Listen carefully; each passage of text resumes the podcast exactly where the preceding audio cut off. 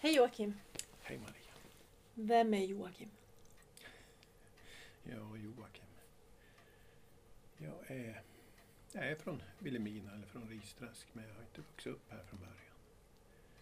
Jag började min bana i Umeå och gick förskolan där. Och sen gick jag låg och mellanstadie i Stensele och sen gick jag högstadie i Storuman. Och sen gick jag gymnasiet i Vilhelmina. Mhm. Och så har jag veckopendlat till Umeå i mer än tio år. Gick skola i höj, universitet i Umeå också. Sen jobbade jag i Umeå. Mm. Sen jobbade jag i Vilhelmina. Nu jobbar jag hemma i Risträsk. Mm. Risträsk har alltid varit min fasta punkt. Ja, är det något föräldrahem eller någon förälder? Ja, det är ju... Papp, pappa var ju från Risträsk men jag bor inte där nu. Jag rår ju om den gården. Men min fru är också från Risträsk. Ja, du ser. Risträsk vet jag att jag blev så... Min för- fru, inte min min fru, min frus pappa. Okej. Men jag vet, jag blev så förvånad över just Risträsk att länge tillbaka så var det en av de starkaste jordbruksbyarna vi hade. Att de exporterade liksom jordbruksprodukter, smör och sånt ner till Mm. kusten Mm. och vidare ut i Sverige. Och det, det är liksom lite svårt att tänka sig idag. Risträsk var ju en väldigt välbeställd by och det var ju egentligen, om man tänker på det, det var ju, det var ju företagande som gjorde det där. Alltså de, de drev, de började med en sjösänkning 1815 för att få mer foder.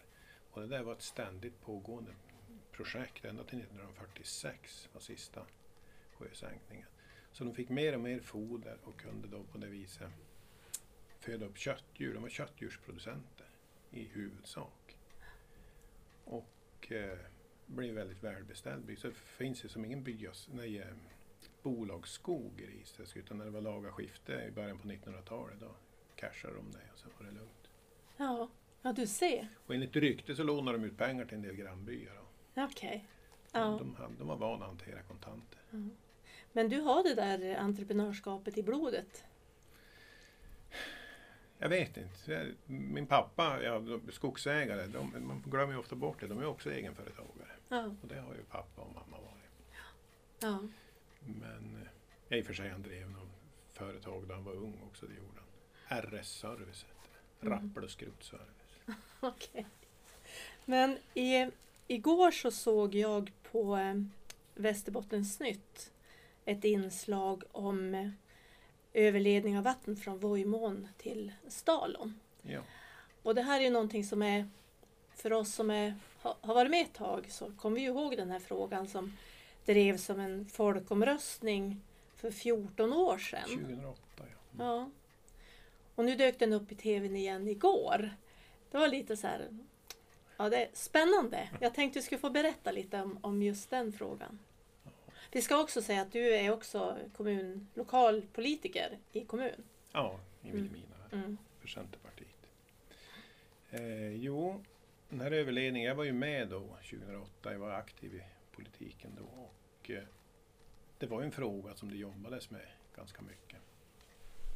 Och det utmynnade då i den här folkomröstningen där, om inte jag minns fel, var det ungefär 53 procent som sa nej och 47 procent ja. Men det här är ju, är ju 14 år sedan och jag jobbade på Arbetsförmedlingen här i Vilhelmina då 2008 och eh, vi som är så gamla minns ju att 2008 i oktober då inträffade den Lehman Brothers-kraschen. Ja, just det.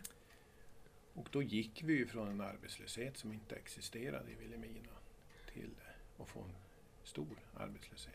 Jag minns att jag var på en, eh, en träff kring gruvnäringen i Lycksele och han som skulle tala, ja igår var jag VD för det här bolaget men idag är jag arbetslös. Så det gick ju från över en natt, Mm. Lehman Brothers-kraschen.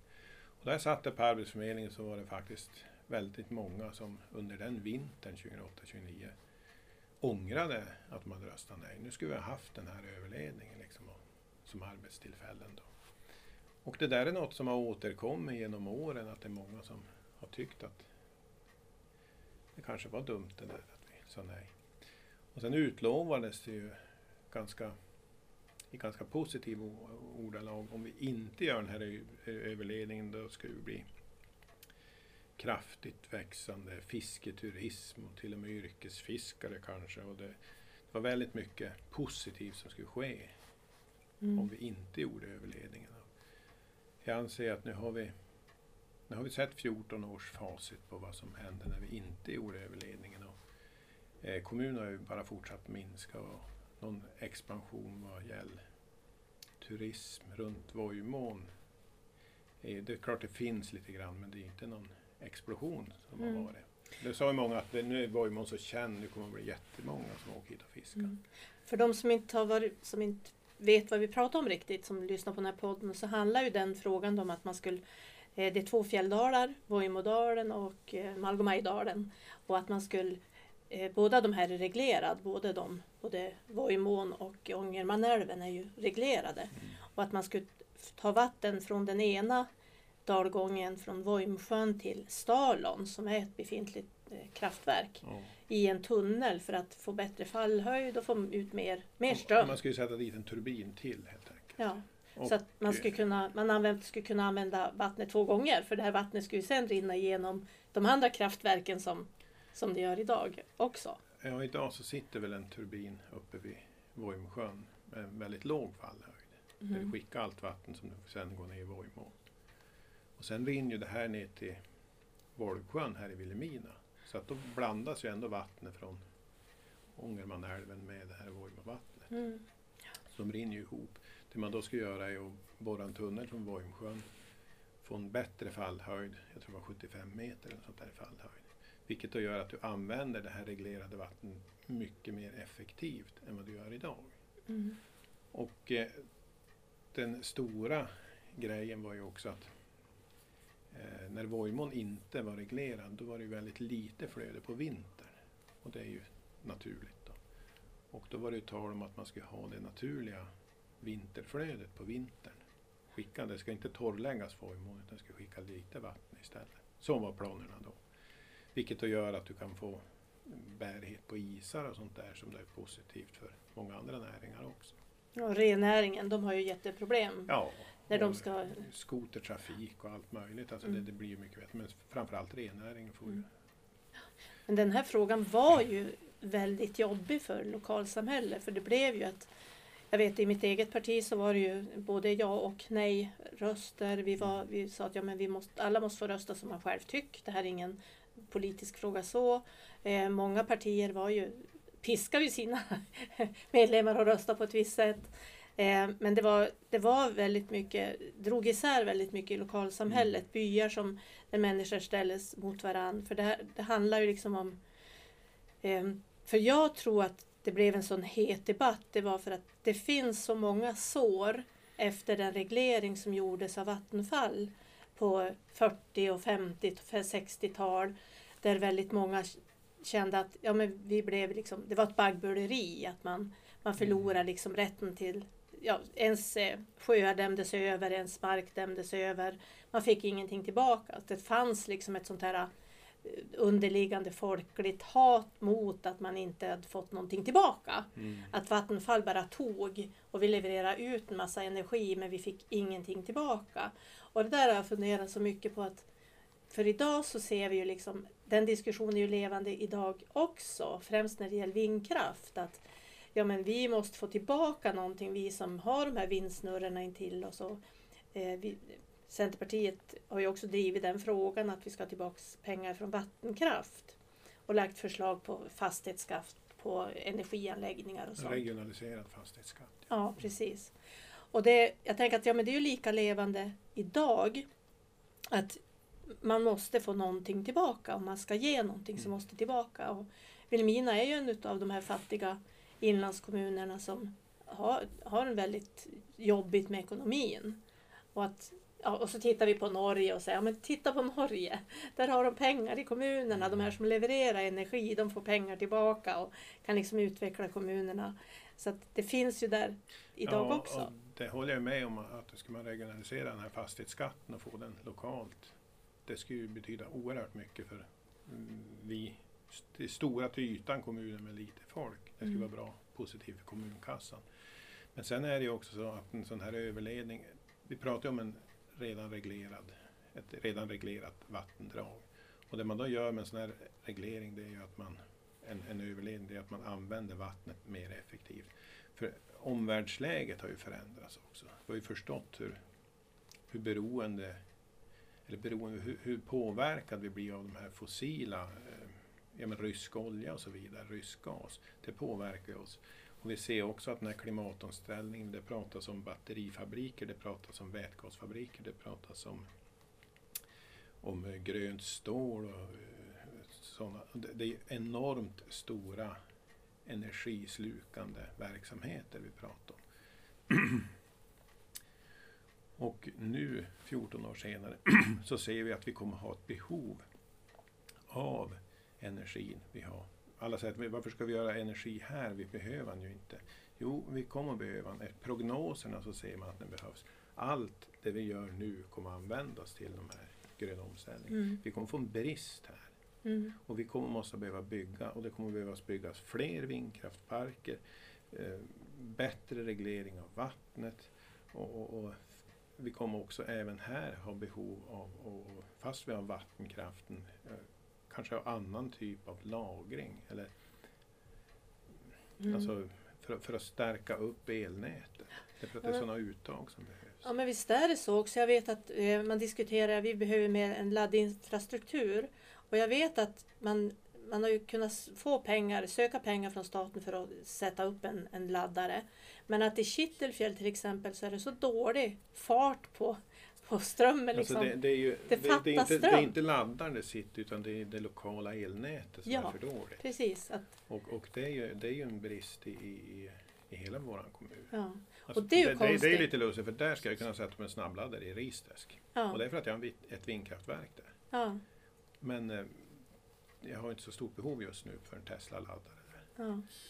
Men det är här som man kan fundera på. Jag vet också att man diskuterade att ja, men vi har som brist i vårt eget elnät trots att vi har stora kraftverk och är mitt i det här reglerade Ja. området så har vi ändå inte tillräckligt med, med fart liksom el, elledningen. Så att om det skulle komma ett företag och vilja etablera sig som är ett sånt här som, ja, i, i den gröna omställningen så har vi ingen möjlighet att ta emot. För att vi har, trots att vi har så mycket eh, vattenkraft så kan vi ändå inte liksom Nej. säga välkommen för vi kan leverera strömmen. Nej men sen är det ju, det där är också en, en, en dubbel fråga därför att om det kommer ett företag och behöver den här kraft, kraften. Alltså om jag etablerar en vindkraftspark då får jag betala min egna anslutning. Det Mm. ingår i projektet. Mm. Sen kan man ju säga att ska man göra en vätgasfabrik här då, då ingår det ju att se till att få en anslutning och betala för den. Mm. Men det är klart att de här företagen väljer där det redan finns en bra anslutning. Mm. Det är ju så det ser ut. Men det är ju ingen som betalar åt någon annan utan alla betalar ju sin egen anslutning. För det är en vanlig missuppfattning att den, att den subventioneras Ja. eh, när man bygger vindkraft. Men det gör det inte. Utan man får, vindkraftsprojektet får själv betala. Mm. För jag tänkte det som händer nu i norra Sverige, alltså det, norra Sverige är ju ett globalt skyltfönster för just grön omställning. Det sker på så många, på så många sätt och det dyker upp nya företag, det dyker upp grejer som vi inte ens kunde tänka oss. Att det liksom, det, som kräver energi och kräver grön energi. Och det gröna stålet i, i Ja, sen, sen så ska vi komma ihåg att det är för att vi har lågt elpris här. För Mm. att vi har mycket vattenkraft, för att vi håller på att bygga ut vindkraften. Det är därför de här eh, etableringarna blir här. Det flyttar hit företag från Europa för de sätter mycket bättre eller billigare energipriser här. Så då måste vi fortsätta och bygga ut för att behålla låga elpriser också. Men sen om man går tillbaks till just den här överledningen, det jag ser där, det är att det är ett stort projekt i infrastruktur i form av elgenerering. Och det är ju positivt för våran kommun. För investeras det en miljard i våran kommun, det är klart att det kommer att komma våra småföretag till godo och, och företag. Det finns så väl utrett kring vindkraftsparker som jag kan bäst. Ungefär 50 procent, drygt 50 procent av arbetstillfällena går till lokala och regionala entreprenörer. Och det är ju, då tänker man ju då på stora entreprenadfirmor med, med dumprar och grävmaskiner. Men det är ju vad det, däckfirmor, det är hårfrisörer, det är, det, det är de små datafirmor. Alla får del av det här. Därför Mm. att kom det hit mycket folk och jobbade. Det är boenden och, och eh, mackar och livsmedel. Alltså det, det, blir en, det är en otrolig injektion i en kommun att få in en så här stor investering. Mm. Och jag anser att vi i Vilhelmina måste få hit några sådana här investeringar. Mm. Jag har ju tittat och varit imponerad över Åsele, hur de har dragit nytta av de investeringar som har gjorts där kring. Åsele har ju fått ett annat utgångsläge. De har lyckats bromsa i alla fall. Ja, men de skulle måste bygga en ny förskola, hörde Ja. jag. Som inte har hänt på 40 år. Eh, att de måste bygga en förskola i Åsele. Och du menar att det beror på vindkraftsetableringarna? Ja, det beror på alla de här miljarderna som är satsade i kommun. Mm. Därför att det, det, det, spill, det, det spiller över, det, det går ut i samhället, det går ut i lokalsamhället. Mm. Vi får in nya friska pengar utifrån. Mm. Det är svårt att vi ska leva på varandras skatter. Och bara, men våra företag har ju också möjlighet att utvecklas när det kommer in nya pengar. Och det är Mm. stora pengar vi pratar om i sådana här projekt. Mm. Eh, nu när det här kom i, i media igår. Jag tänkte det som, eh, det som var disku, stor diskussion var ju också fisket, det här med fisket. Mm. Eh, hur tänkte de kring det? Alltså jag tänker att den här folkomröstningen blir lite märklig. Därför att det kommunen ska göra är att säga ja eller nej till ett sånt här projekt i ett första skede. Sen är ju all prövning, för det där är ju en miljöprövningsfråga. Den har inte kommunen med att göra. Den prövas ju i, i vanlig ordning genom eh, miljödomstolar. Det enda vi kan göra det är att säga att ja, vi är positivt inställda. Sen går ju hela miljöprövningen, hur fisket påverkas och eventuella Eh, skyddsåtgärder för fisket och hur det, det... Det har inte vi med att göra och det är fel. Vi har inte kompetensen och kunskap. Det blir gissningar och känslor vad man tycker. Utan där är ju professionellt och utreds av den som ansöker att göra det här. Det ska utredas, det ska eh, vad heter, det, göras Ja, men Miljökonsekvens? Miljökonsekvensbeskrivning och Mm. allt det här. Och där ska det beskrivas vad man ska göra för att skydda fisket och så vidare. Och sen är det upp till domstolarna att fatta beslut kring villkor. Ja, vilka villkor krävs för att den här verksamheten ska få... För. Och den, den har inte vi. Det, det är inte, hela den där folkomröstningen tycker jag har landat i fel nivå. Mm. Vi höll på att vara eh, miljöexperter och skulle utreda en det ena, en det andra och krävde utredning om ditten och datten. Men det är inte så det går till. Utan det är verksamhetsutövaren som gör de utredningar som krävs och behövs och det är miljödomstolen som fattar beslut. Mm. Så det enda vi kan göra är att säga att ja, vi är positivt inställda till det här eller nej. Men jag är ju då positivt inställd till det här.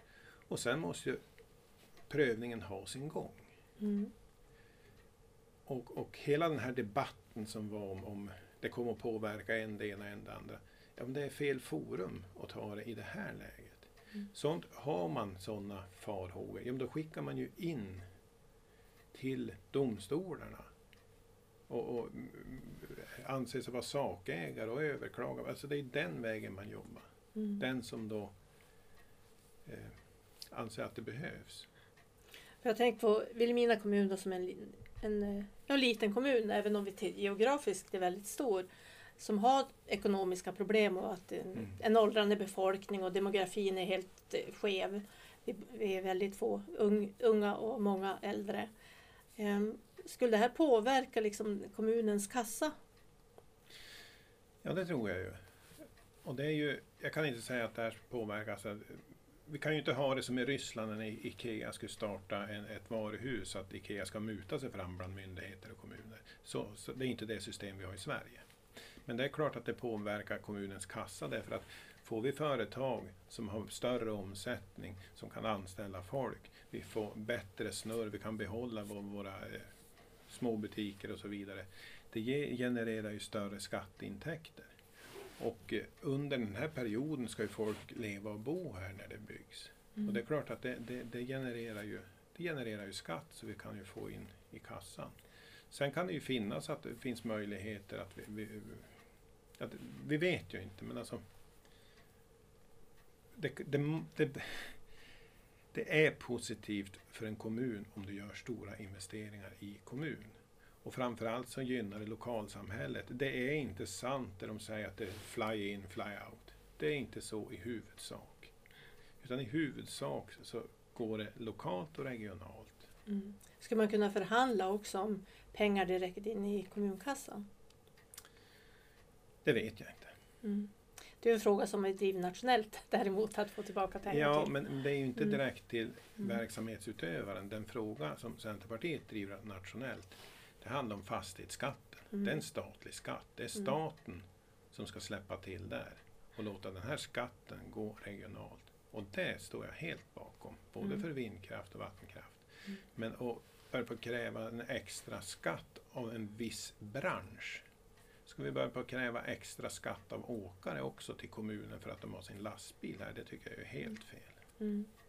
Men nu hörde jag ju också att det, eller jag har sett också att det är flera partier som nu inför valet driver den frågan här i norr. Att återföring utav vinst från eh, vind och vatten. Att det, det kanske är så att det blir på riktigt nästa mandatperiod om Mm. har Ja, men Om jag fa- fastighetsskatten har jag inga problem mm.